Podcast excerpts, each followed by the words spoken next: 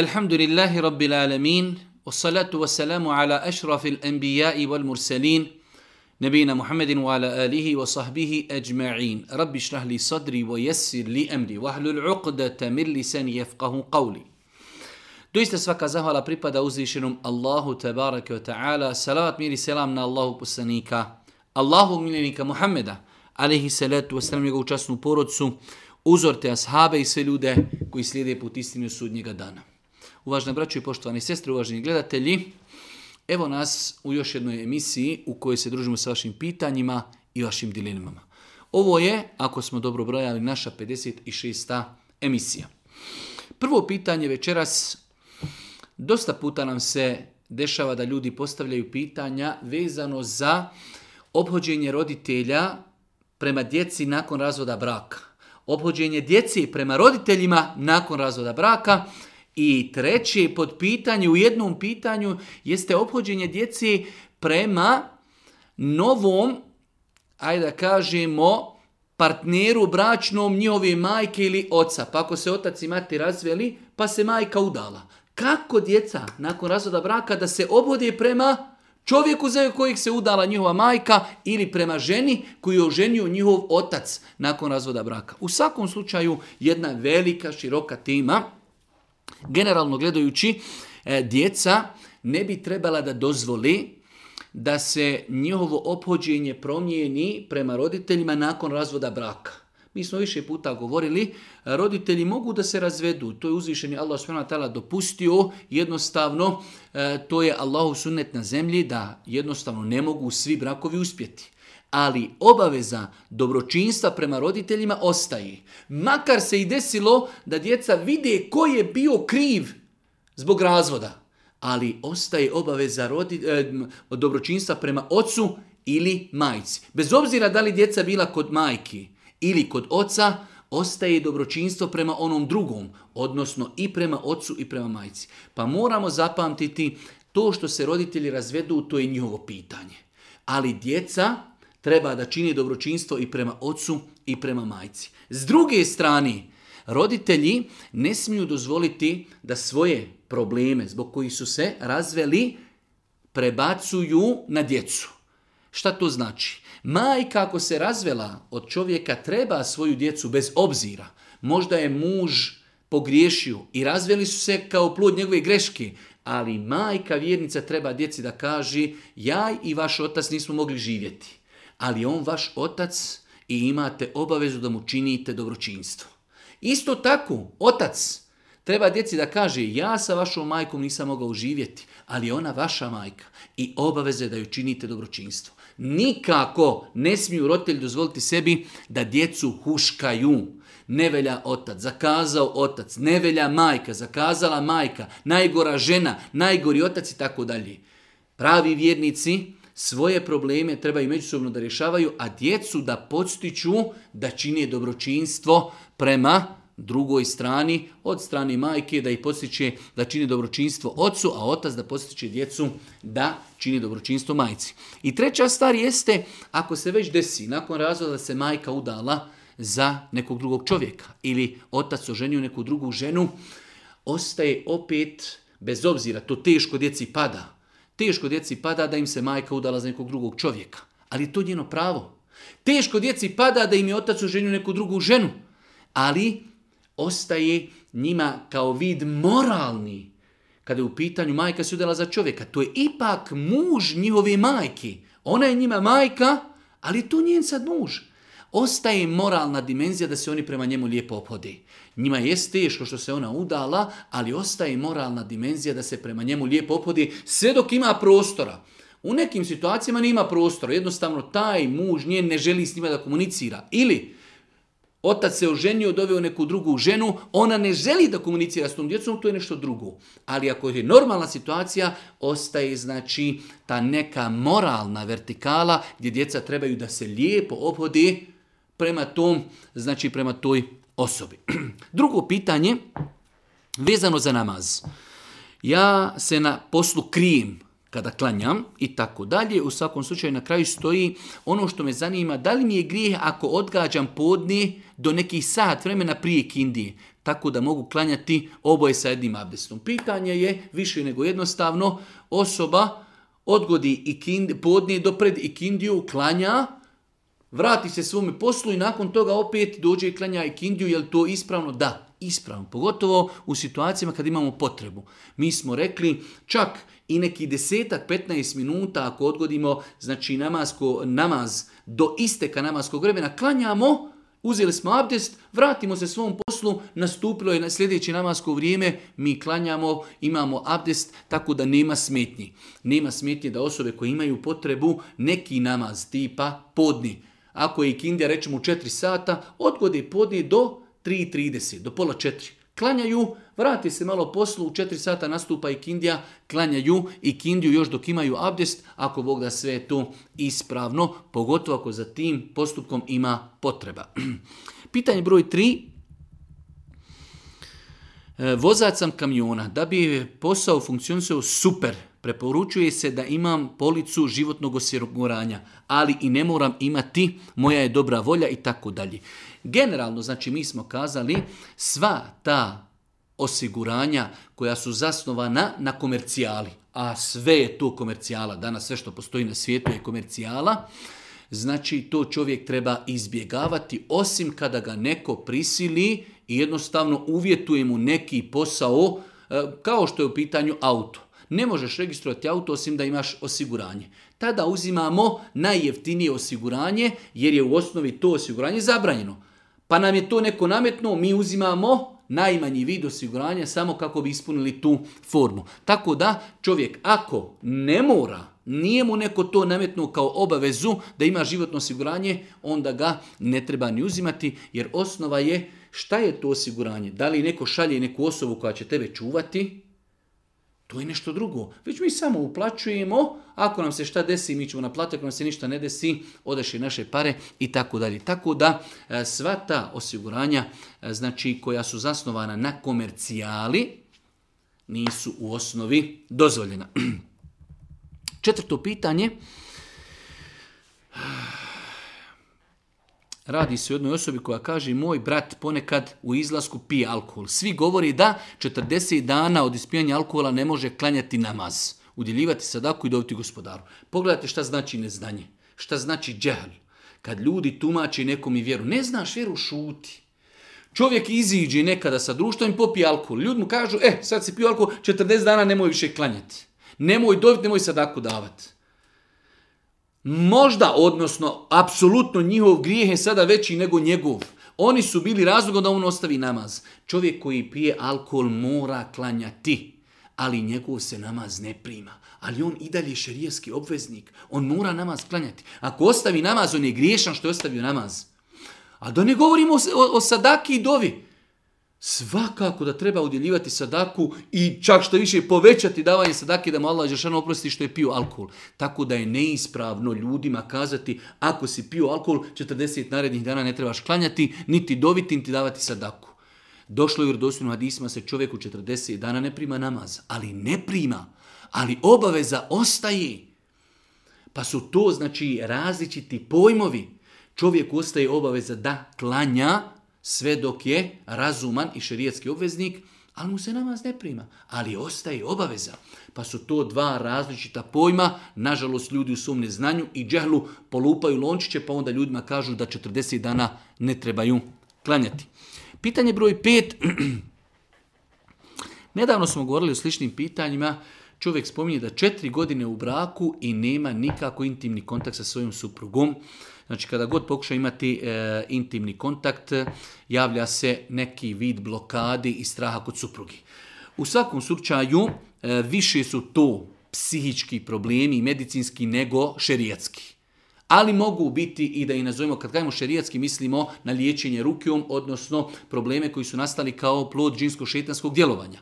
Tako da ne isključuje osoba koja ima strah od intimnog kontakta, da se ode i da se proba proučiti rukija ali u većini slučajeva ono što sam do sad čitao, slušao i gledao, znači e, situacije, jeste da su to psihički momenti i medicinska pitanja gdje treba otići kod psihologa E, porazgovarati, otići kod doktora i imaju tu različiti načini metode kako se to rješava. Ali je doista fenomen da čovjek živi četiri godine sa ženom i nema nikako intimni kontakt. Znači ne treba taj problem intime toliko zatrpavati i sakrivati. Deset dana, 15 dana, 20 dana nemamo intimu, već treba poduzijeti nešto već treba poduzeti nešto, da li ćemo otići na ruke, da li ćemo otići kod e, psihologa na razgovor, da li ćemo otići kod doktora, da li ćemo e, tražiti nečiju pomoć, razgovor, dijalog, e, konsultovanje. Četiri godine da čovjek se broji oženjen i žena se broji udata, a nemaju intimu, jer svaki insan na kraju krajeva i muškarac ima potrebu za ženom, žena ima potrebu za muškarcom, pa to treba rješavati i mogu se takva pitanja riješiti. Hvala uzvišom Allahu. E, dosta slučajeva ima ljudi koji imaju u početku taj strah i blokadu, ali vremenom to popusti kroz razgovor, kroz dijalog, kroz određene lijekove i tako dalje, a nekada može se desiti da je to plod i sihra, ali iz mog iskustva više je to medicinski i e, psihički moment nego e, znači da je plod džinsko-šitanskog djelovanja, ali može biti. Tako da znači rješenje je tragati za lijekom. Da li će to biti rukja, da li će to biti psiholog, da li će to biti razgovor, da li će to biti određena terapija, lijekovi i tako dalje, ali tražiti lijeka. da li u islamu dozvoljeno jesti rum pločice? Pa ga mi rom pločice. Generalno pravilo koje su islamski učinjaci savjernog duga postavili jeste da ako u nekom slatkišu ima alkohola, toliko malo da ako bi mi taj proizvod jeli u velikoj mjeri, ne bi osjetili opojnost, onda je to dozvoljeno. E, zašto? Zato što alkohol je nama zabranjen zbog opojnosti. Da, alkohol je nama zabranjen ako ga samog pijemo, kada bi uzeli kap, to je haram.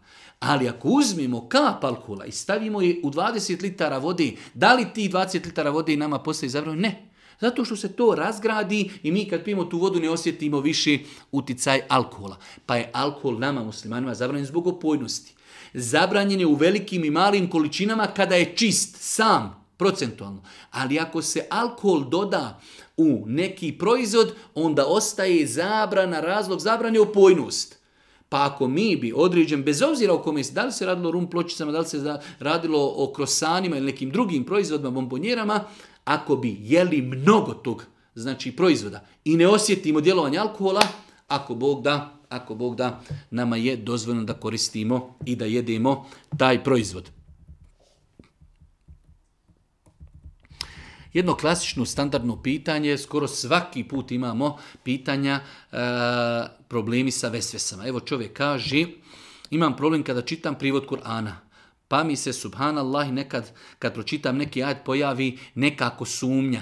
Ko? Neko došaptava mi nije to istina, to je neko napisao i tako dalje. Iako čovjek na kraju kaže ja klanjam i vjerujem u Allaha, pa šta je to osim vesvese, Došaptavanje. Zato i je propisan kad se čita i uči Kur'an, euzu billahi rađim, Allahu se utječem od šetana i njegovih došaptavanja. I u ovakvim situacijama najbolje je čovjek nastaviti čitati, ali euzu billahi mne šetan Allahu se utječem da me sačuva i zaštiti od šetanja njegovih došaptavanja pa čak u onoj verziji euze, euzu billahi min rađim, min hemzihi, wa wa nafthihi se Allahu od šetanja i njegovih došaptavanja i njegovih vesvesa i tako dalje. Tako da, rekli smo, najbolji lijek za, najbolji lijek za vesvese jeste ignorisanje ali isto tako utjecanje Allahu te barek ta'ala u ovakvim situacijama kada šetan počne čovjeku eh, donositi vesvese došaptavanja, u krucijalnim pitanjima vjeri. Ima li Bog? Gdje je Allah? Ko je stvorio Boga? Je li Kur'an tačan? Je li poslanik Mohamed istina? Čovjek živi 20 godina, bori se za vjeru, klanja, ustaje na noćni namaz, uči Kur'an, ostavlja harame, radi Allaha, vjeruje u sudnji dan i onda šetan počne da mu to došaptava. To je klasično šetansko došaptavanje vesvesa Treba to ignorisati, a svakako štititi se euzom, učenje zikrova, učenje Kur'ana, dovom i tako dalje. E, opet, isto tako, slična pitanja dolazi dosta puta kada se ljudi opterećuju, primjer radi, evo ovdje pitanje, imam pitanje u vezi učenja fatihu namazu, kada učimo u sebi. Da li je potrebno izgovarati svaki harf i paziti na svaki tešti i dužinu ili je prioritetnije razmišljati o značenju onoga što učimo? Nekada se ljudi toliko opterete, uči podni namaz, on u sebi uči elhamdulillah, on izgovara svaki harf i on je sav svoj namaz počinio samo načinu izgovora. On ne razmišlja o znači, on razmišlja samo da li je rekao dužinu, da li je rekao krupni harf, da li je rekao tanki harf, da li je rekao teštid i tako dalje. To je jedan vid, da kažemo slovno, pretjerivanja. Pogotovo u tim namazima, znači u kojima čovjek uči e, u sebi, toliko da sebe čuje. Znači, čovjek ne treba se toliko opterećuje. Uči jednostavno, onako da kažemo normalno, kako ću izgovoriti riječi, ali veći prioritet je, ako mi znamo da znamo teđvid, znamo izgovor harfova, znamo te štide, onda nećemo se toliko fokusirati na taj izgovor, fokusirat ćemo se na značenje onoga što učimo. Svakako da treba ispravno učiti, ali ne da se toliko opteretimo, a nažalost ima takvih slučajeva, nekada šetan ljudima priđi s tog aspekta da se ljudi toliko optereti da oni ne znaju više šta uči. Samo je bitno da gledaju krupan harf, tanak harf, teštid, dužina i tako dalje. Što je u datom momentu pretjerivanje, tako da prioritetnije paziti na značenje uz ispravno učenje, ako Bog da, onoga što učimo u, u, namazu. Da li treba učiti jezan ako klanjam sam, pored toga da nisam čuo ezan ni otkud? Generalno učenje ezana je, kažu islamski učenjaci, u nekom mjestu gdje ljudi žive farz kifaje, što znači kolegijalna obaveza. Ako imamo jedno selo, bilo ko treba da javno prouči ezan, iako Bog da svi ostali kada klanjaju ne moraju više učiti ezan, ne moraju. Ali ako čovjek znači klanja u situaciji gdje nije čuo ezan i u mjestu gdje niko nije proučio ezan, treba proučiti ezan. E sada, podignuti glas, da li će izići čovjek negdje javno u svojoj kući proučiti, ali definitivno je bolje i potrebnije da čovjek prouči ezan ako klanja pojedinačnu namaz, a nije čuo nigdje učenje, a nije čuo nigdje, učenje ezana. E sada, ima situacija da čovjek živi u mjestu, primjer radi čovjek živi u Sarajevu, i na stotine i desetine ezana uči, ali on nije čuo ezan. U tri sata želi da klanja podne, nema smetnje, čak što više lijepo i sumnjete da čovjek prije namaza prouči jezan. Prije namaza da prouči jezan bilo gdje da klanja u svojoj kući ili, ili svakako ako ima mogućnost da to uradi, e, lijepo i pohvalno, čak u mjestima gdje se jezan proučio. A ako niko u tom mjestu gdje se živi nije proučio jezan, onda je e, da kažemo obaveznost na većim stepenu do e, kolegijalne obaveze ide. E, Desetu pitanje. Čovjek je napisao jedno malo duže pitanje.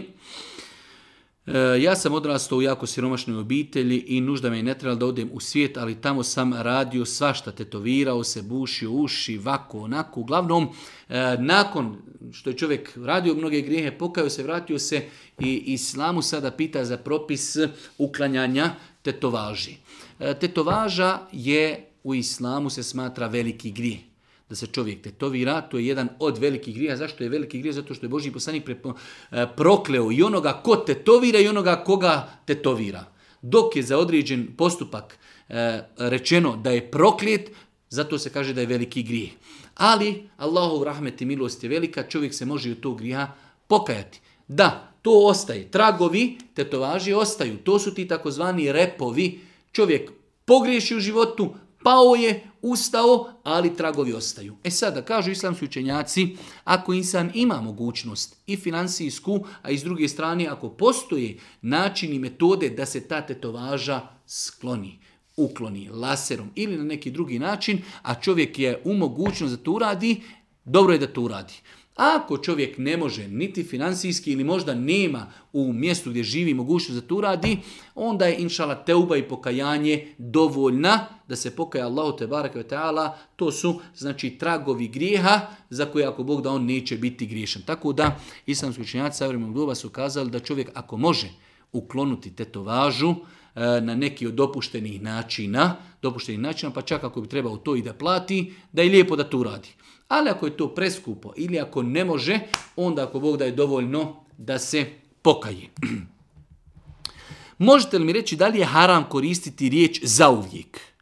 Kao na primjer u rečenci najbolja prijateljica si mi zauvijek. E, moramo shvatiti da E, se razlikuje kontekst riječi. Zato je ovdje je došlo e, kao e, porjašnjenje da li je uopšte zabranjeno koristiti riječ u izgovoru za nešto osim za Allaha. Dosta puta ljudi griješi zato što određene stvari iz konteksta koji se odnosi na ljude prebacuju u kontekst vezano za Allaha. ako neko kaže ti si mi zauvijek najbolji prijatelj, da li on time rekao mi ćemo živjeti vječno Apsolutno, to je u kontekstu ljudi. Ljudi svi žive 50-60 godina, to je, znači, to je nešto oko čega ne treba raspravljati. Tako da te stvari govori se u kontekstu ljudi. Čak znači i u arapskom jeziku imate takve stvari koje e, kada ljudi koriste u svom životu, kontekstu ljudi, ima riječ jedno značenje, a kada se koristi u e, značenju i govoru vezanom za uzvišnog Allah, te ima neko drugo značenje. Tako da nema nikakve smetnje da čovjek kaže ostajemo, ako Bog da, inšala, zajedno, za uvijek. Ne misli se to, ostaćemo mi, živjet ćemo na planeti vječno do sudnjeg dana. To, to jednostavno kontekst je da se govori o ljudima uvijek, jednostavno ostaćemo dugo. Ostaćemo, ostaćemo dugo. Tako da ne vidim ništa, ništa sporno šerijetski da čovjek koristi riječ uvijek u kontekstu neke veze ili nečega što dugo traji. Imam pitanje da li dozvoljeno nositi odjeću, konkretno majice na kojima su napisani e, brendovi Kelvin Klein ili nešto slično tome i još neke ovdje e, imena. E, Allah najbolje zna, osnova je da je dozvoljeno sve dok ti ljudi nisu prepoznatljivi po nečemu što je nemoralno, nečemu što je loše i tako dalje. To su brendovi, to su marke. E, da li neko pita da li je dozvoljeno voziti Mercedesa zato što, što piše Mercedes ili BMW ili ne znam nija, Jednostavno, to su postali brendovi, osim da doista su neki ljudi, ako ima, da su prepoznatljivi, da su bili nemoralni, da su bili e, neko ko je napadao na vjeru, neko ko je vrijeđao poslanika, pa da mi kažemo to je u jednu ruku promovisanje takve ličnosti. Ali s druge strane, to su znači danas znači, e, skoro pa cijeli svijet je izgrađen na brendovima ako bi e, izbacili korištenje brendova samo zato što je to ime nekog čovjeka, e, to bi slobodno mogli kazati da bi bilo jedno veliko otežanje ljudima u životu. Tako da sve dok ta imena nisu prepoznatljiva po nečemu lošim, kao promovisanje nečeg nemoralnog, nemoralne osobe, njenih postupaka, njenih vrijeđanja, vjere i Boga i tako dalje, sve dok nije to tako, uz pomoć nema smetnje da se e, markirana odjeća sa imenima određenih ličnosti nosi. Allah što opet najbolje zna. Možete li objasniti koja je granica spuštanja odjeći, odjeći i kako kada je hladno? Ovo je pitanje znači od strane muškarca. E, Odjeća u islamu treba da bude do članaka, bez obzira bilo toplo ili hladno. Boži poslanik Ali se letu selam u više vjerodostojnih hadisa zabranio je e, spuštanje odjeće ispod članaka. Onog momenta kada je hladno, ne znam da to e, spuštanje nogavica može zaštiti zaštititi čovjek od hladnoće. Onaj ko želi da se zaštiti do članaka od hladnoće, on će obući kvalitetnije, bolje čarape ili neke štucne ili neke cipele ili neke čizmice, tako da ne znam da neko štiti E, tijelo e, hlačama koji će spustiti ispod članaka. E, do članaka se tijelo štiti ili dobrim čarapama ili dobrom obućom, a odjeća muslimana treba da bude maksimalno. Do članaka jer vjerodostojima hadisma Allahu poslanika ali se letu nam jasno je zabranio da se spušta odjeća ispod članaka. Može li se žena koja obavlja namaz i pridržava se propisa vjeri udati za muškarca koji posti ali ne klanja? ili ponekada klanja. Generalno gledajući može, ali je svakako prioritetnije kada se žena udaje da se prvenstveno gleda udaje za osobu koja je, ako ništa, e, utemeljila osnovne principe vjere Islama. Znači, e, čovjek sve dok ponekad klanja, mi za njega kažemo da je musliman. Samim time dozvoljeno žena da se uda za muslimana ali isto tako insan koji e, još nije uspostavio redovno klanjanje namaza, to je jedan od najvećih griha, samim tim koliko očekivati tu beričet i blagoslov, samim tim dok je spreman da ostavi jedan e, toliki temelj vjere, sutra može doći do svađi i do rasprave za neke, da ih nazovemo, manje bitne propise u islamu on još nije savladao najkrupnije stvari. Sutra će mu žena možda reći, pa e, zabranjeno da radiš to, da gledaš žene, da slušaš muziku, da ovo, on još nije došao na level da još nama redovno klanja.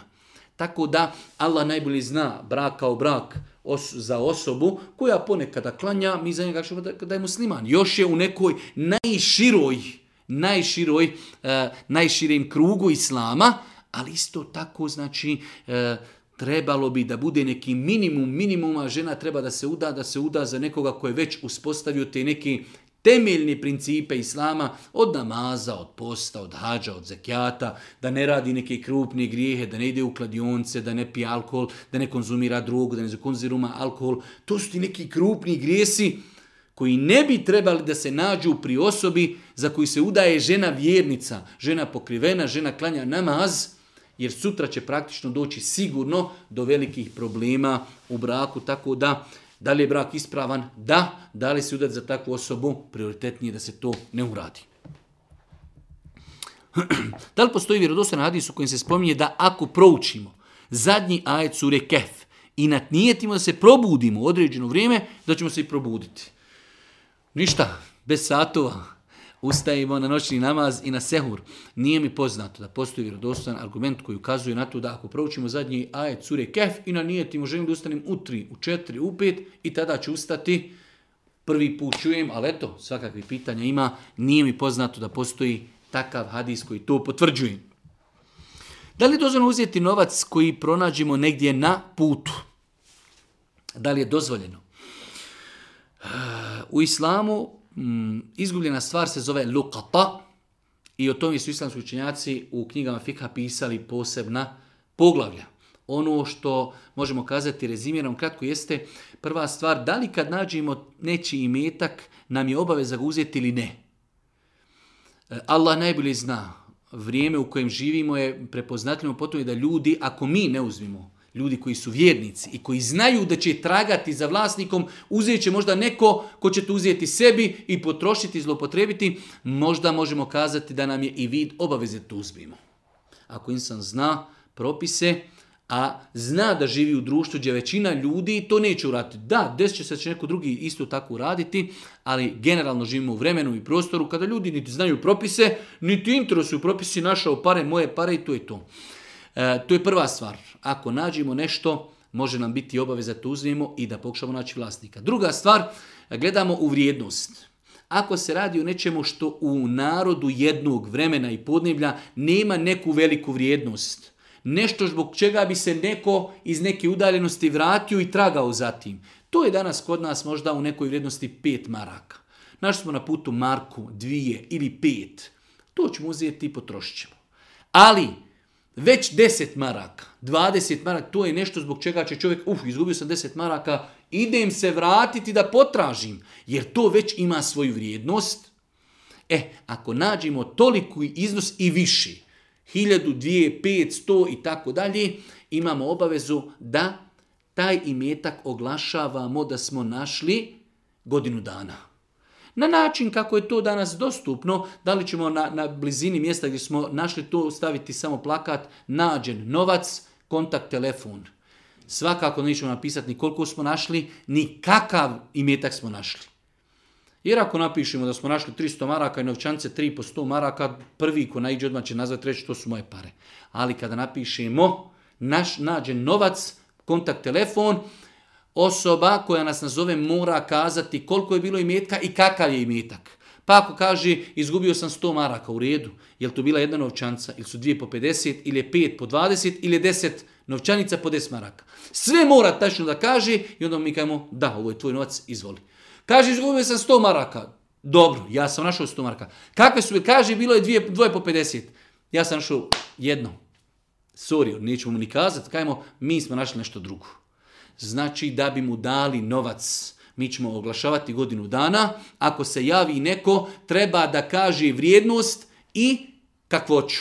Ako se potrefi vrijednost i kakvoća, mi ćemo dati imetak. Ako se niko godinu dana ne javi, ili se javi ovi lopovi i ostali prevaranti, godin, nakon godinu dana mi postajemo vlasnici tog imetka, trošimo ga, a ako bi se nekada u životu vlasnik javio, mi mu trebamo vratiti imetak.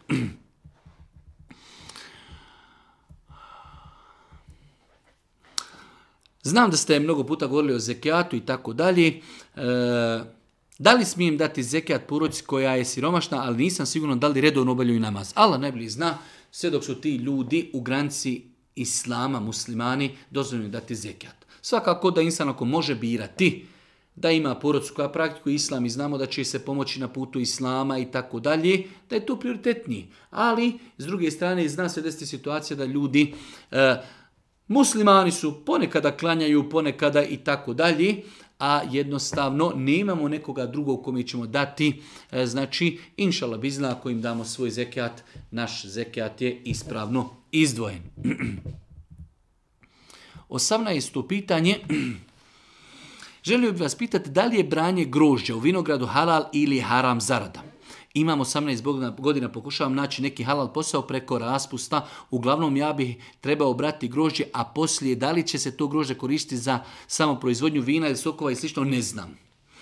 E, generalno gledajući ne moramo samo govoriti o branju e, znači grožđa sve stvari koje se mogu koristiti na halal i haram način osnova je da su nama dozvoljene osim ako sigurni smo da će se to koristiti na neispravan način tako da mnogo pitanja e, nama, ako dođe neko i kaže daj mi nož, mi nećemo kada svakom čovjeku, a što će ti nož? Da ćeš ti slučajno, da nećeš slučajno napast komšiju nožem. Naše da mu prodamo nož. Ali kad bi došao čovjek i kaže imate li prodati nož, želim da napadnem komšiju. Svakako da mu nećemo dati. Isto tako. Ako nama da čovjek dođe i kaže dođi mi danas da mi pomogneš brat grožđe. Ja idem brat grožđe. Ali ako ja znam da će to grožđe, komšin kaže, e, sutra će doći čovjek otkupljuje za alkohol grožđe, ja to neću raditi. Znači, sve dok ne znamo, to je nama dopušteno. Onog momenta kada znamo, ili prije ili poslije, ako saznamo da to ide za haram, ako to ide za haram, onda nam to više nije dozvoljeno. Tako da generalno znači posao kao posao je halal. Prodajemo nož, prodajemo ne znam nija halatku neku, neću mi svakoga pitati kako ćeš koristiti taj nož. Ali ako nam čovjek dođe i kaže ja ću koristiti nož na neispravan način, svakoga mu nećemo prodati. Isto tako i sa e, branjem grože, branjem šljiva, branjem jabuka. Jabuke se mogu koristiti u halal i u haram način. Šljive se mogu koristiti u halal i haram način. Nama je tu u osnovi halal dok ne saznamo da će se koristiti na ispravan način. Do koje granice se mogu skidati otac i majka priliku preslačenja pred svojom malom djecom? Da li postoji razlika u uzrastu djeci? Da, to je glavna što bi rekao eh, klauzula roditelji, znači mi znamo da i muškarac i žena imaju svoje avrete, pa čak i pred svojom djecom. Nažalost, velik broj roditelja se poigrava prema tim pitanjima. Djecu treba od malena odgajati da E, kada ulazi kod roditelja, traži dozvolu prilikom ulaska u spavaču sobu ili u kupatilo. Isto tako djecu međusobno treba učiti da se djeca međusobno e, znači ne otkrivaju avrete jedni pred drugima, da kada se preslače da uđu u kupatilo ili da uđu u drugu sobu i tako dalje. Kada je u pitanju preslačenje roditelja e, i otkrivanje avreta pred djecom, kažu islamski učenjaci da je to dozvoljeno sve dok djeca ne znaju šta su avreti, kako ćemo znati da li dijete zna šta je ili ne, dok dijete to ne zna prenijeti drugima. I dok mislimo da dijete to neće zapamtiti. Pa su tu učinjaci kazali da je to neka granica dvije, dvije i po godine, tri godine, ali opet djeca se razlikuju. Tako da znači e, sve dok djeca ne znaju šta vide, ne znaju o tome govoriti, ne znaju o tome kazati, ne čude se i neće to zapamtiti, u tom periodu gdje je to šest mjeseci, od osam mjeseci, žete od godinu, godinu i po, Allah najbolje zna u tim svim periodima dozvoljeno roditeljima da se pred takvom djecom preslači. Ali već kada dijete počne uznavati, zna šta je avret, zna sutra kazati, zna sutra ispričati, sjetit će se kada odraste tog momenta, u tim situacijama onda roditelji više ne treba da se pred djecom preslači i odnosno da otkrivaju avrete. Tako su kazali islamski učenjaci. Veliki problem današnji omladni o kojim se malo priča je muzika. Ilah je sa muzičkim instrumentima. Da li je dozvoljeno djevojkama, ženama učiti u horovima? nije tačno da je to veliki problem, a isto tako nije tačno da se malo priča. E, ima puno većih problema od muzike, Eh, a isto tako o tome se priča. Eh, generalno, slušanje muzike jeste problem savremenog doba, ali se o tome govori. Ali isto tako ta naša omladima ima mnogo, mnogo veći problema. Ostavljanje namaza je mnogo veći problem, psovanje Boga je veći problem, konzumiranje droge je veći problem, konzumiranje alkohola je veći problem eh, i tako dalje. pa svemu i grijesima treba dati njihovu, hajde da kažemo, njihovo mjesto. Treba govoriti o zabrani muzike. Četiri pravne škole su smatrale da svaki vid muzike je nastao putem muzičkih instrumenta, da je zabranjeno slušati. Tako da e, oko toga, ako Bog da, e, nema nikakve nejasnoće. E, ilah je sa muzičkim instrumentima. Ilahije koji se uči bez muzike je dozvoljno slušati, ako u njihovom tekstu nema ništa neispravno, ilahije koji se uči uz muziku nema nikakve razlike, da li je to ilahije, da li je to neka druga pjesma, ako se pjeva uz muziku je zabranjeno slušati. Da li je dozvoljeno djevojkama ženama učiti u horu, ako taj hor uči i pjeva sevdalinke ili ilahije bez muzike u prisustvu samo žena, onda je to dozvoljeno. Žene se okupile, ima škola Kur'ana, ima neko okupljanje i samo žene slušaju, imaju svoj hor, ove im pjevaju ilahije, ma to je ekstra. Ali da žena dođi da snima ilahije pa ih stavi na YouTube ili direktan prenos ili u Zetri ili u Skenderiji ili ovdje ili ondje i slušaju i muškarci žene, to nije, to nije dozvoljeno.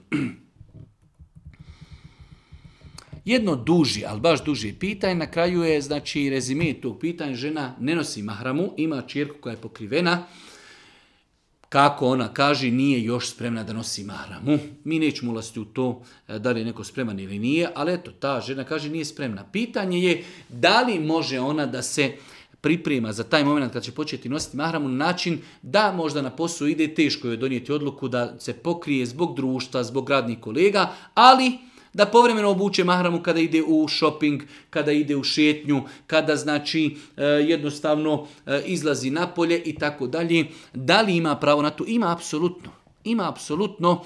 E, ako već žena radi grijeh, izlazi otkrivena kada ide na posao, a želi da to umanji prilikom izlaska u shopping i prilikom izlaska u šetnju i prilikom izlaska, ne znam, nija u neke druge e, svoje dunjaločke obaveze, svakako da je to dobar vid pripreme. Mi na ovaj način nismo odrobili njen grijeh otkrivanja kad ide na posao, ali smo umanjili njen grijeh. Dobro, ideš otkrivena na posao, ali ostali dio izlaska iz kuće, žena izlaska i pokrivena. Ili to bolje? Svakako da je bolje. S jedne strane to je navikavanje na mahramu, s druge strane to je umanjivanje njenog grijeha. Jer svaki moment izlaska iz kuće bez mahrame je grijeh. Pa ako imamo dnevno 50% izlazaka u grijeh, 50% koji nisu u grijeh, svakako da je prioritetnije i bolje da kažemo da je to dozvoljeno. Nije to poigravanje sa mahramom, definitivno, niti je to izigravanje sa vjerom, tako da u toj nekoj tranzitnoj situaciji da žena povremeno si mahramu dok se malo ne privikne, dok jednostavno nauči na društvo, ne odobrava mu grijeh odlaska na posao otkrivena, ali je to znači e, jasno da je grijeh, ali ako će put ka mahrami biti malo navikavanje na mahramu, inšala bi zna da je to dobro.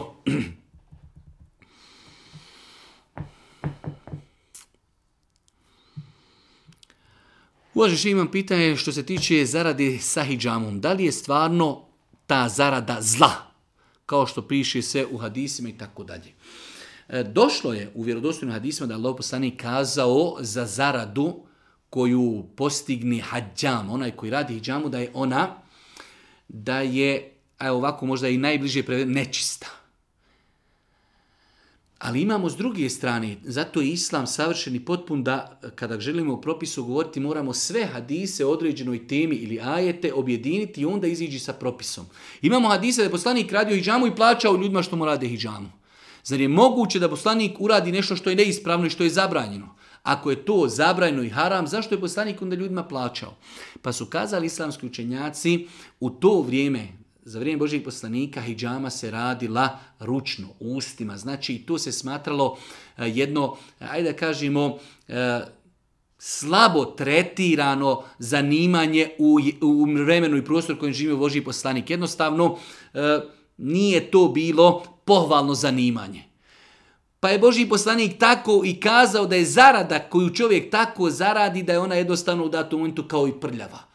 Ali je to u osnovi halal posao. S druge strane, ako danas pogledamo kako ljudi radi, znači to je danas više medicinski podovat. Ljudi, znači, e, u rukavicama imamo pumpicu, imamo čaše, imamo e, sredstva za dezinfekciju. Ma ljudi, znači, gospoda, a s druge strane šire sunet Božih poslanika, ali se latu nam i olakšavaju ljudima, jer hijjama je, e, znači, skoro pa ne može štetiti. Samo može koristiti. Tako da u današnje vrijeme baviti se hijjamom i to naplaćivati, naplaćivati vrijeme, naplaćivati materijal koji čovjek uloži u tu hijjamu od čaša, od dezinfekcije, od vremena, od, od, od tako, i tako dalje, nema smetnje, nema smetnje da se naplati, da se naplati e, pravljenje ili rađenje hijjami. 23. Da li je dozvoljeno da žena sama u sobi bez ikoga pleši, ukoliko se ne uključuje nikakva muzika uz ples? Svakako, još ako je najbolje da ima čovjek tu znači da malo zapliši svom mužu u ovim teškim vremenima, vremenima stresa i pritiska, da malo se opuste, da žena malo zapleši svom mužu, pa da i on malo sa njom zapliši ako Bog da nema u tome ništa loše, čak šta više može biti u datom momentu i lijepo i pohvalno kao vid jačanja bračne harmonije, jačanja bračnih veza, nema ništa smetnji, bitno je da to nije uz muziku i da nije prisutan neko ko ne treba da to vidi i gleda. Jedno opet malo duže pitanje, jedna osoba koja je na kraju konstatira e, gdje je spomenula da, da je u datom momentu bojkotovana u svojoj e, rodbini. Ali na kraju kaže, je li moja greška što govorim ljudima ono što ne želi čuti? Je li moja greška što smaram svoju rođenu sestru i tako dalje? Je li moja greška što i smaram za muziku, za parfum i tako dalje? E, da, može se desiti da ljudi u datom momentu doista napravi kontraefekat jednostavno e, čestim savjetima, savjetima e, u nevrijeme može insan postati da, da jednostavno napravi kontraefekat. I zbog toga da bude u datom momentu i odbačen. Znači insan koji poziva ljude treba da gleda ko su, šta su, kakvi su, kakav je njihov stepen. Mi nekada ljudima spremni smo sa njima se svađati oko parfema, oko muzike. Čovjek ne klanja namaz nikako. I mi sa njim, ma on uopšte još nije shvatio najveća pitanja vjeri. Nije shvatio komu je gospodar. Nije shvatio da mu je obaveza klanjati i mi ufatimo sa njim, a on, njemu muzika teče kroz krv. I ti njemu haram slušati muziku. Pa smo pobrkali prioritete, a da ne govorimo o načinu i metodi kako sa njim razgovaramo. Koliko, kada i tako dalje. Tako da, ovo nikako ne znači da ne treba ukazivati na grijehe. Treba. Treba ljudima govoriti, ali isto tako po prioritetima, metoda, kada i koliko. Ako vidimo da smo ljudima ukazali, jednom su rekli pa znaš da je muzika haram. Dobro, šta znači nam ako ćemo za 15 minuta ponovo mu pa ga naljutit, pa će nam opsovati, pa će okrenuti leđe od nas i tako dalje. Pa paziti na vrijeme kada ćemo reći, kako ćemo mu reći, može li to progutati, Većina ljudi oko nas su ugledano s aspekta islama i znanja bebice. Mi bi odmah da im gurnimo krišku hljeba i da ih udavimo. Pa treba znači da idemo sa njima postepeno, sa krupnim grijesima, prema manjim, blagim tonom, u lijepom ambijentu, na lijep način, ne smarajući, kako ne daj Bože ne bismo postigli, kako ne bismo postigli kontraefekat. jedno duže pitanje, imam psa lovačkog za koji sam vezan i pružala sam mu život tako onako, posljednjih sedam dana je paralizovan na zadnje dvije noge i ovako i onako, mnogo toga, star je 11 godina, oni po, po eh, pravilniku mogu živjeti 12 godina, rezime svega, sve možemo staviti imam bolesnog psa, nema lijeka za njega, može li se eutanazijom ili inekcijom usmrti takva životinja da mu se olakša pod navnim znacima i bolov koji ima? Apsolutno da. Ako znači ima potreba, ako vidimo da je životinja iscrpljena, da vidimo da eh, ajde da kažemo, po dunjaločkim parametrima ne može ona jednostavno više eh, naživjeti te svoje bolove, ostarila, pala, e, e, jednostavno nekada osakačena, unakažena, oslabila zdravstveno, Allah najbolje zna, nema u tome inšala ništa sporno da se medicinski znači, da se medicinski takvoj životinji da inekcija i da se olakšaju muke takvoj, takvoj životinji. Jedno opet duže pitanje, mi inače ono, gdje god možemo skratiti, to produžimo maksimalno. Nedavno smo pisali i govorili o tome E, da djeca mogu učiniti zulum ako zabranjuju svome ocu da se oženi nakon smrti njihove majke. Da li to znači da se propis razlikuje u pogledu žena? Apsolutno ne. Ali mi smo takvi, moramo sve nacrtati, sve boldirati. U protivnom nećemo razumjeti. Ako je zulum da djeca zabrani svome ocu, nakon što je umrla njihova majka, neka se desi djeca već poudala se čerke, sinovi se poženili, babo kod kući sam. Umrla mati i on hoće se ženi, oni kuke i motke kuda će najveći blu činiti, nemoj se ženiti. Pa dobro, s kim ću pit kahvu, ne znamo, ali nemoj se ženiti. Ako je propis za babu takav, isti je propis i za majku. Ako je majka ostala sama, nema s kime živjeti, djeca se pouda, rašla se po svijetu, žena želi da se uda. Bolje je da se uda časno i pošteno i živi sa tim svojim budućim čovjekom, nego ne daj Bože da se znači nalazi i viđa sa ljudima koji nisu halal, možda čini i nemoral i možda dopisuje se i i možda ima potrebu za muškarcom, možda ima potrebu da s nekim pije kahvu, zašto da se ne uda? Pa nije propis različit, znači žena, djeca trebaju da pazi kada njihovi roditelji znači ostari pa jedno od dva roditelja umri. Da li to bio otac ili majka, drugo izrazi želju za brakom, ne trebaju djeca da staju na put svojim roditeljima. To je naš, naše podneblje, nažalost, i kako je to kod nas pokuđeno. Neka sedi sam, neka truhne sam, neka čisti sam, neka živi sam, ali nemoj da se ženi, nemoj da se udaje, što je apsolutno katastrofalna greška. Znači ako se djeca razišla po svijetu, e, sinovi se poženili, čerke se poudale, čovjek ostao sam, ima kuću, treba mu žena i obrnuto. Žena ostala sama, šta je problem da se uda ili šta je problem da dođe neko kod nje, što bi naši rekli na ženi isto, neka dođe kod nje i neka živi sa njom, e, svakako je to bolje nego ne daj Bože da radi nemoral. kojoj knjizi mogu naći dove koji se uče za roditelje koji su preselili pri četiri godine? Ja sam ovo pitanje ciljano odgodio da na njega odgovorimo. Pogledajte koliko je nama pitanje dovi nepoznato da mi tražimo knjigu gdje ćemo naći dovu da dovimo za svoje roditelje koji su prije četiri godine preselili. Rješenje je da dovimo svojim riječima ja rab oprosti mojim roditeljima, ja rab smilujem se, ja rab e, proširim kabur, ja rab osvijetlim kabur, olakša im polaganje računa na sudnjim danu, oprosti im grije, podari im džennet. Svojim riječima u našim dovama, nakon namaza, prije iftara, na noćnom namazu, na seždi, dovimo za svoje roditelje ono što im želimo od srca. Da im Allah oprosti, da im olakša polaganje računa, da ih uvede u džennet, da im učini prostranim kabur, kabur da ih sačuva kaburskog zaba, da im osvijetli kabur. Eto ga, Znači mi toliko puta uzet ćemo neku arapsku dovu iz neke knjižice i čitat ćemo i ne znamo ni šta učimo ali to piše gore naslov dova za roditelje. A ne znamo šta učimo. A cilj dove je baš to značenje, da dovimo iz srca ono što je potrebno našim roditeljima. 29. pitanje. E, opet, izuzetno dugo pitanje. E, radi se o jednoj porodici. E, samo evo da počnemo čitati, naime u poruci imamo žensku osobu koja je nedavno imala moždani udar i tako dalje. Osoba koja je odrasla, e, znači bez roditelja, odrasla je uz odgoj, e, da li je tetke i tetka, ta tetka i tetak sad imaju 75 godina. Oni više ne mogu da brinu toj ženi koja je imala moždani udar. Da li je grijeh što taj čovjek, tetka i tetak od 75 godina ne mogu u sebi izmet da tu ženu dadnu u neki dom gdje će se neko brinuti o njoj?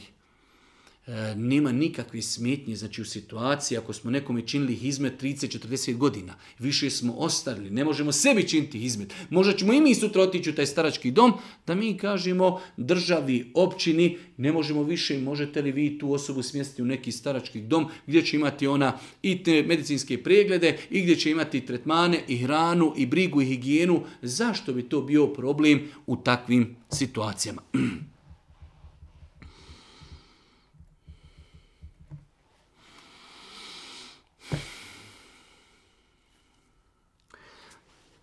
pitanje djeca koja su došla u braku gdje se ljudi nisu vjenčali šerijetski.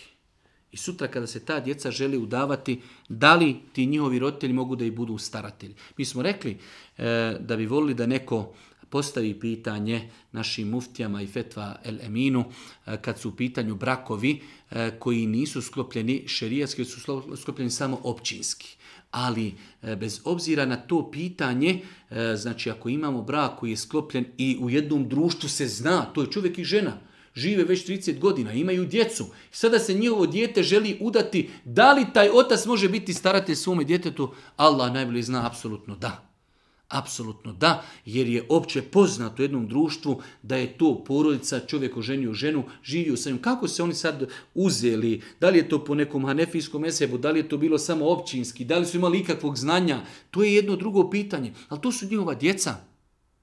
To su njihova djeca i s druge strane, ko će se bolje zauzimati i braniti prava za tu djevojku koja se sutra želi udati, njegov njen taj otac i njene majka. Tako da, da li taj otac može biti njen veli i njen staratelj, nadamo se, inšala, svakako da može i da treba.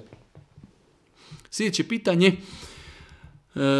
kako ste je, jeste dobro, jesmo dobro, smo, pitanje oko vluda. e, znam, e, da li je dozvoljeno da se uči ili nije, pošto kod nas i kod vas u Bosni, u Turskom, e, to u svakom slučaju, da li je dozvoljeno se uči mevlud za umrli oca, majku i tako dalje. E, pogledajte, mevlud u osnovi znači e, rođenje ili prigodba prilikom rođenja Božih poslanika ali se ratu E sad smo mi od toga napravili, znači još smo to sad malo prošili. Hajde pravimo manifestaciju povodom dana kad se rodio Božji poslanik. Ne zna niko kad se rodio poslanik, ali evo, pravimo manifestaciju povodom proslava dana kad se rodio poslanik. E sad smo mi to proširili, možemo li mi proučiti Mevlud, dan rođenja poslanika za svoje roditelje? Kako se kalemi novotarija na novotariju.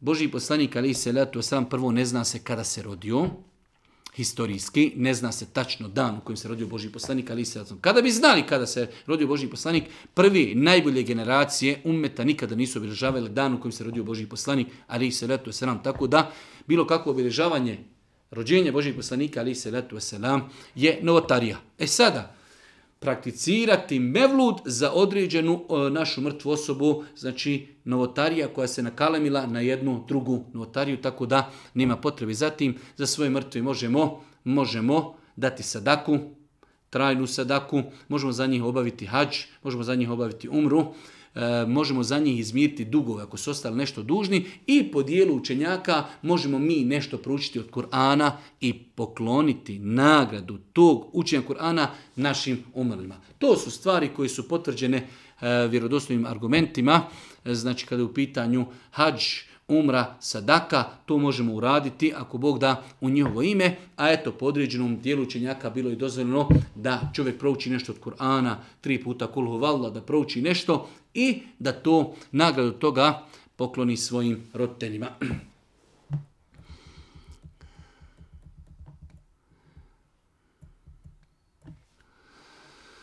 E, jedna naša sestra se javila, kaže prvi put kolje kurban, pa ima nekoliko pitanja o kurbanu. Nadam se što će to biti negdje i kraj naših ovih pitanja. E, živim sa roditeljima i financijski sudjelujem u svim troškovima. Pa je pitanje može li se zaklati samo jedan kurban za jednu porucu. Da, sve dok jedna poruca živi zajedno, imaju zajedničku sofru, makar bilo tri, četiri člana te porodice koji zarađuju, donose platu u kuću ako žive za istom sofrom i zajedno jedu, zajedno stanuju, što naš narod onom kaže prija zajednica, sve dok su ljudi u zajednici, oni mogu zaklati samo jedan kurban i oni ako Bog da dovoljno za cijelu porodcu. Onog momenta kada djeca odu, odijeli se na sprat ili odu u drugu kuću ili odu u drugu državu, zasnuju svoju porodcu, onda treba svako zaseban kurban da kolji. Ali ako čerka još se nije udala, ima svoj posao, zarađuje, ali živi sa svojim ocem i majkom, nema smetnje da oni zajedno isfinansiraju jedan kurban i to je ako Bog da dozvoljeno. Dobro, E, drugo potpitanje ovi naši sestri, smijem li zanimati komšijski odnos i umjesto da kurban kupim od komšije da potražim kurban na drugom mjestu? Svakako. Čovjek nije ograničen da kurban mora kupiti negdje u komšiluku, e, znači shodno e, cijeni, kvaliteti i tako dalje. Tako da ako su kod naše komšije cijene prihvatljive, dobri kurban, kupćemo kod njega. Ali ako na drugom mjestu možemo naći možda jeftinije ili kvalitetnije, nema nikakve smetnje da odemo i na drugo mjesto kupimo kurban. Smije li, e, opet treće pitanje, smijem li svoju trećinu kurbana podijeliti za, e, sa onom trećinom i tako dalje. E, kada je u pitanju podjela kurbanskog mesa, Islamski učenjaci su kazali da je najljepše da se kurbansko meso podijeli u tri trećine, jedna trećina prijateljima, jedna bijedi, jedna sebi. Ali je to samo pohvalno. Možemo podijeliti cijeli kurban da sebi ne ostavimo bukvalno ništa. Nema smetnje, znači da se i ona naša trećina, da sebi ostavimo jednu kilu mesa, čisto da probamo samo kurbansko meso, koji smo, naš kurban kojeg smo zaklali, ostalo sve da podijelimo. Pa čak ljudi sada uplate kurban u Africi ili u, neko iz Europe uplati kurban u, u, Srbiji, u Sanđaku, u Bosni, ne vidi taj svoj kurban, sav se kurban podijeli u neku e, javnu kuhinju ili dadne se nekim jetima ili nekim siromasima, sve je to za Allahu pomoć ispravno. Znači, e, ono što su učenjaci kazali, tri trećine, to je samo pohvalno i lijepo, nikako obavezujući. Da li može džin da izađe iz tijela bez ruki? Ili je ruka neophodna? Nije neophodna ruka. Može čovjek e, učenjem dovi, učenjem zikra, učenjem Kur'ana, učenjem, znači klanjanjem namaza, može sve to biti razlogom da džin napusti čovjekovo tijelo. Najviše, najviše se puta dešava da neko ko ima problema sa džinima, džin izađe pod prisilom učenja rukije. Ali se može desiti da čovjek znači e, ajde da kažemo, izliječi, bude razumno da sam sebe izliječi e, učenjem redovnog zikra, jutarnjeg, večernjeg, učenjem Kur'ana, e, učenjem dove, moli Allah da ga izliječi namazom i tako dalje. Tako da nije jedini način kako čovjek može isirati džina iz svoga tijela rukja, ali je to jedan od najrasprostranjenijih načina.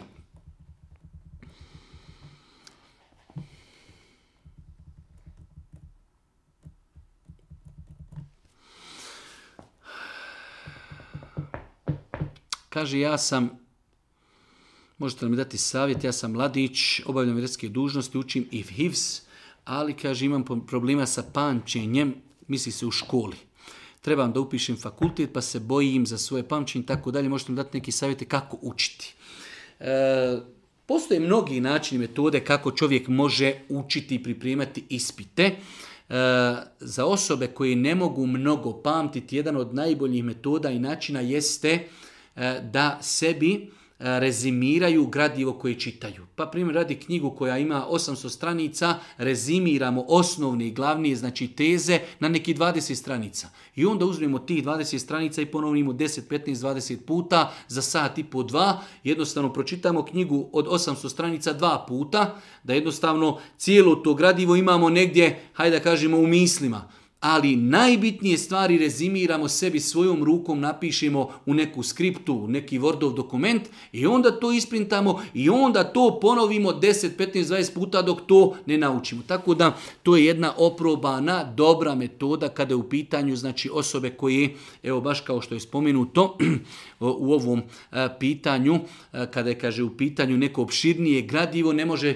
čovjek da zapamti mnogo toga, što je i normalno, što je i normalno, ali jedna i tekako dobro oprobana metoda jeste da čovjek rezimira. Ono što čita najbitnije stvari da pofata, da to sebi napiše na, na papire i nakon toga to što je rezimirao ponovi 5, 7, 10, 20 puta prije ispita ponovi, a generalno je pročitao cijelo gradivo, Možda ako dođe nešto, neko pitanje na ispitu koje nije u tom njegovom sažetku, on će ga se ako Bog da sjetiti. Ali da bude siguran da 80 do 95% stvari koje će doći na ispitu dođu iz onoga što je on rezimirao, najbitnije stvari iz znači onoga što im je zadato za ispite. E, predzadnje pitanje, da li je dozvoljeno uzimati, znači radim u toj i toj državi, gazda mi je tog i tog državljanstva, znači nije musliman, e, povodom e, praznika nemuslimanski on svim radnicima dijeli znači neku novčanu hediju i poklon. Da li je to dozvoljno uzeti? Nekoliko puta smo govorili da nema smetnji. Ako se radi o novcu, da se uzme poklon koji se dijeli povodom nemuslimanskih praznika. Bitno je da se da je poklon sam po sebi halal.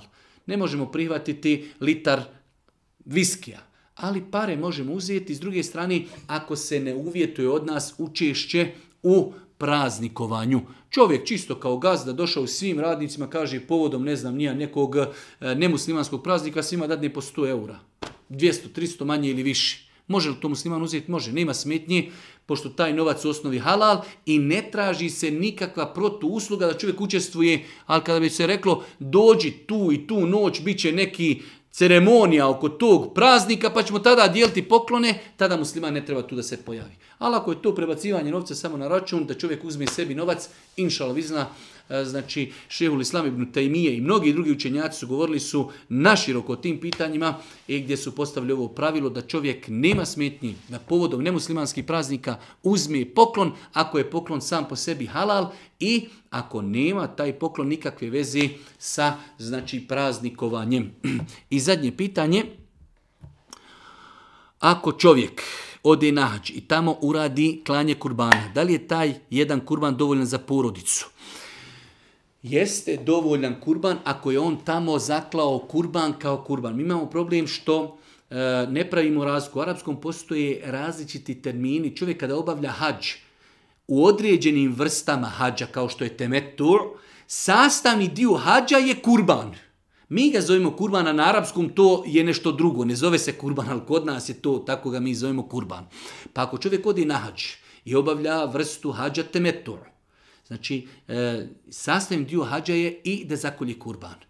Taj kurban je nešto drugo od onog kurbana kojeg mi konjemo kući. Tako da on, ako je otišao na hađ, ima jedan kurban kojeg je treba da uradi kao sasvim dio hađa.